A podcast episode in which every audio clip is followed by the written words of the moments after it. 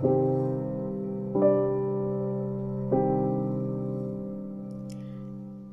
semuanya, kembali lagi bersama Story of Verde. Yeah. Hmm, jadi aku sedikit mau ini nih mau curhat. Kemarin tuh aku udah nge-record uh, cerita yang tentang anak kecil. Jadi aku di episode ini eh episode yang sebelumnya tuh bakalan nyeritain memang tentang sosok anak kecil.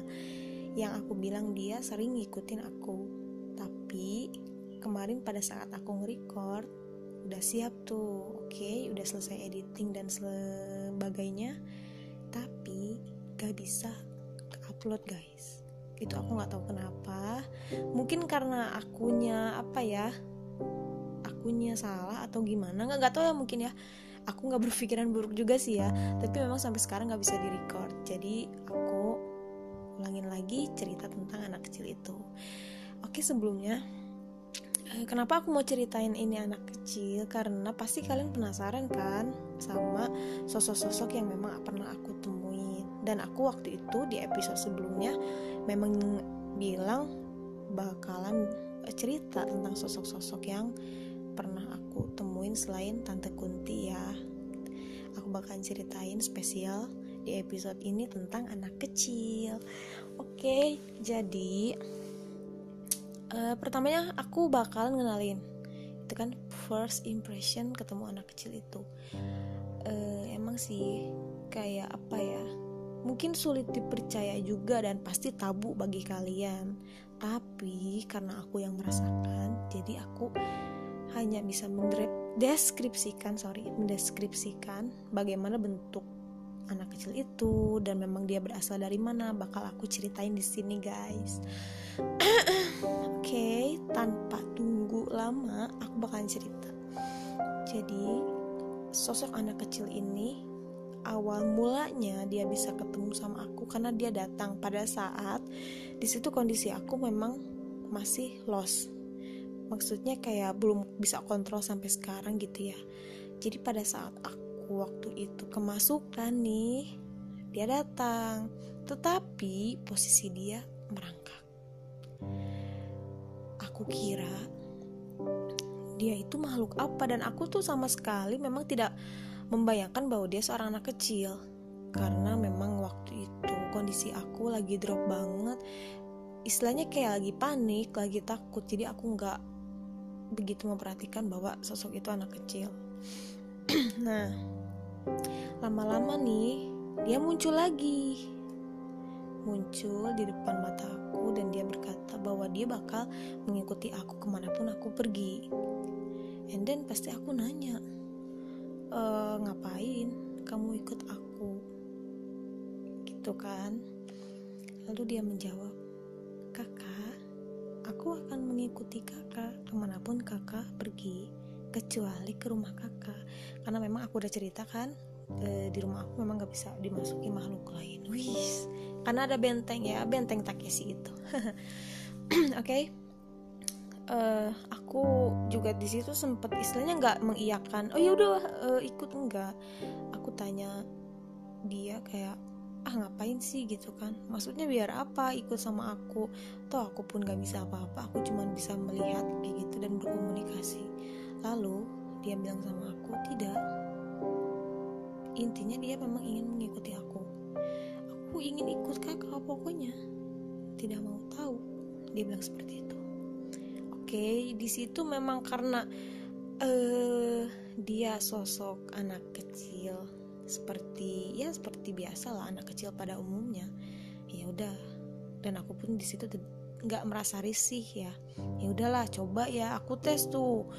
Uh, setelah berhari-hari dia mengikuti aku aku tes.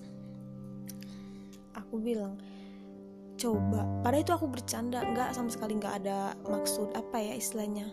Aku cuma ngetes gitu. Coba kamu bisa nggak ambil uang? Aku bilang kayak gitu. Dan dia seketika mukanya meraut dia bilang tidak aku tidak suka seperti itu kakak aku itu bukan tuyul. Dia bilang seperti itu sama aku. Wih di situ aku deg-degan dong. Waduh mampus nih gitu kan. Hmm, bilang kenapa? Emang kamu bisanya apa? Gitu kan. Aku bercanda-bercandain lah ya namanya nama, nama apa? Cuy sama anak kecil gitu. Tapi dia bilang aku tidak mau melakukan itu karena memang kayak apa ya dia bukan bidangnya kayak gitu gitu contohnya. Oh aku bilang hmm lalu? Paling dia dia bilang aku hanya uh, bisa memberitahu apa yang bakalan terjadi. Jadi jadi kayak itu ngasih tahu misalkan uh, hati-hati nih di sini ada apa ada apa paling kayak gitu doang. Oh gitu. Dan memang uh, setelah berhari-hari pokoknya setiap kali dia ngikut pasti dia ngasih tahu nih misalkan aku mau ke tempat ini dia bakal ngasih tahu di tempat ini ada sosok apa ada penunggu penunggunya yang seperti apa dia bakalan ngasih tahu. Nah lama-lama di situ kayak oh ya udah. Dia tidak merugikan kayak dia ya udahlah sebatas kayak gitu doang gitu kan. Dan memang dia selalu ngasih aura positif. Kayak gini jadi pernah waktu itu memang aku lagi ada masalah. Biasa lah ya cewek-cewek. Aku lagi ada masalah otomatis aku kan sedih tuh galau ya. Pas aku lagi di kamar tuh kayak aku lagi termenung gitu kan. Dia tiba-tiba membisiki aku. Kakak janganlah sedih. Ada aku di sini. Kita bermain. Biasalah kayak anak kecil. Jadi istilahnya dia kayak support system gitu lah walaupun memang tak terlihat ya em dia ngasih tahu aku bahwa kehidupan itu masih panjang gitu kan. Intinya di setiap masalah itu pasti ada jalan keluarnya. Istilahnya dia kayak ngasih semangat kayak bikin mood aku tuh balik lagi. Waduh boleh juga nih anak kecil gitu kan. Dan aku bilang oh iya makasih ya gitu kan. Dan pasti dia minta permen sama aku. Selalu itu. Ketika aku pergi atau ke mana dia selalu bawa permen di dalam tas untung cuman permen. Coba kalau yang lain-lain bahaya kan? Oke. Okay. itu. Hmm, oh ya jadi dia tuh dia sempat cerita waktu awal-awal itu dia cerita dia dibuang. Jadi mungkin waktu mamahnya mengandung atau misalkan dia seperti dia aborsi atau misalkan ya dan lain sebagainya lalu dia dibuang ke sungai seperti itu. Dan mungkin wallahu alam.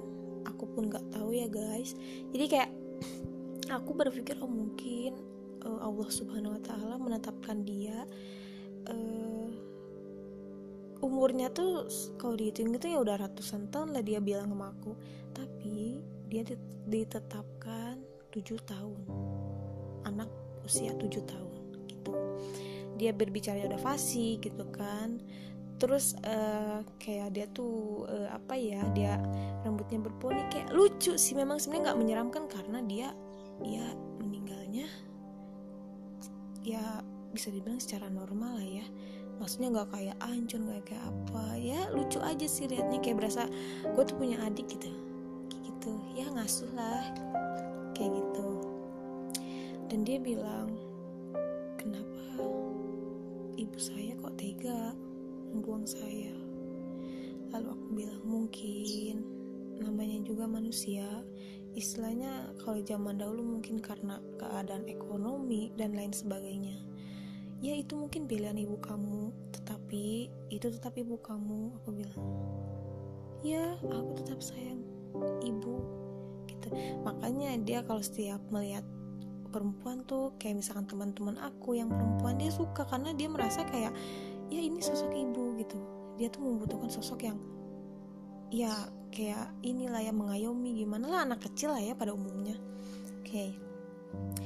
dan emang e, sampai sekarang tuh kadang ada juga hal-hal yang dia lakuin tuh bikin aku ketawa. Kayak contohnya misalkan dia lari-lari itu lari-lari. Tiba-tiba datang tuh dia sama aku. Dia bilang kakak di sana ada wanita jelek. Dia tuh kayak uh, dia apa ya nyontohin tuh wajahnya seperti ini seperti ini. Katanya uh, aku ini ledek-ledekin segala ya istilahnya gue ketawa lah ya. Ya eh lalu ah itu kan. Cari masalah aja lo gitu-gitu. Ya kalau aku sih ya nggak apa-apa. Selagi itu memang nggak mencelakakan aku selagi itu memang nggak merugikan buat aku ya nggak apa-apa gitu. Tau aku pun nggak pernah minta apa-apa sama dia gitu kan kalau dia niatnya mungkin melindungi aku atau hanya sebatas mengikuti aku itu nggak apa-apa gitu. Ya seneng aja kayak punya apa ya punya adik lah ya karena aku nggak punya adik anak satu-satunya kayak ya udahlah adik tak terlihat gitu. Gitu. Dan memang dia tuh paling nggak suka sama wanita jelek. Ya itu tante kuntilanak. Memang dia kadang ah tidak katanya. Dia jahat atau misalkan dia jahil gitu. Makanya dia kalau misalkan setiap kita ke mana ada uh, mbak kun dia selalu bilang aku takut tidak mau melihat katanya. Gitu-gitu. Hmm, ya mungkin yang seperti itu pun juga mempunyai rasa apa gimana aku nggak paham sumpah. Gitu. Ini buat yang apa kalian yang penasaran ya ini si anak kecil tuh. Tapi memang e, mungkin kebanyakan orang berspekulasi bahwa ah ini sejenis tuyul atau apa bukan. Ya itu tadi karena aku sempet tes dia tapi dia nggak mau. Jadi kalau di ini tuh istilahnya dia anak bajang. Kalian bisa cari dia di Google atau di mana anak bajang itu apa. Kayak gitu.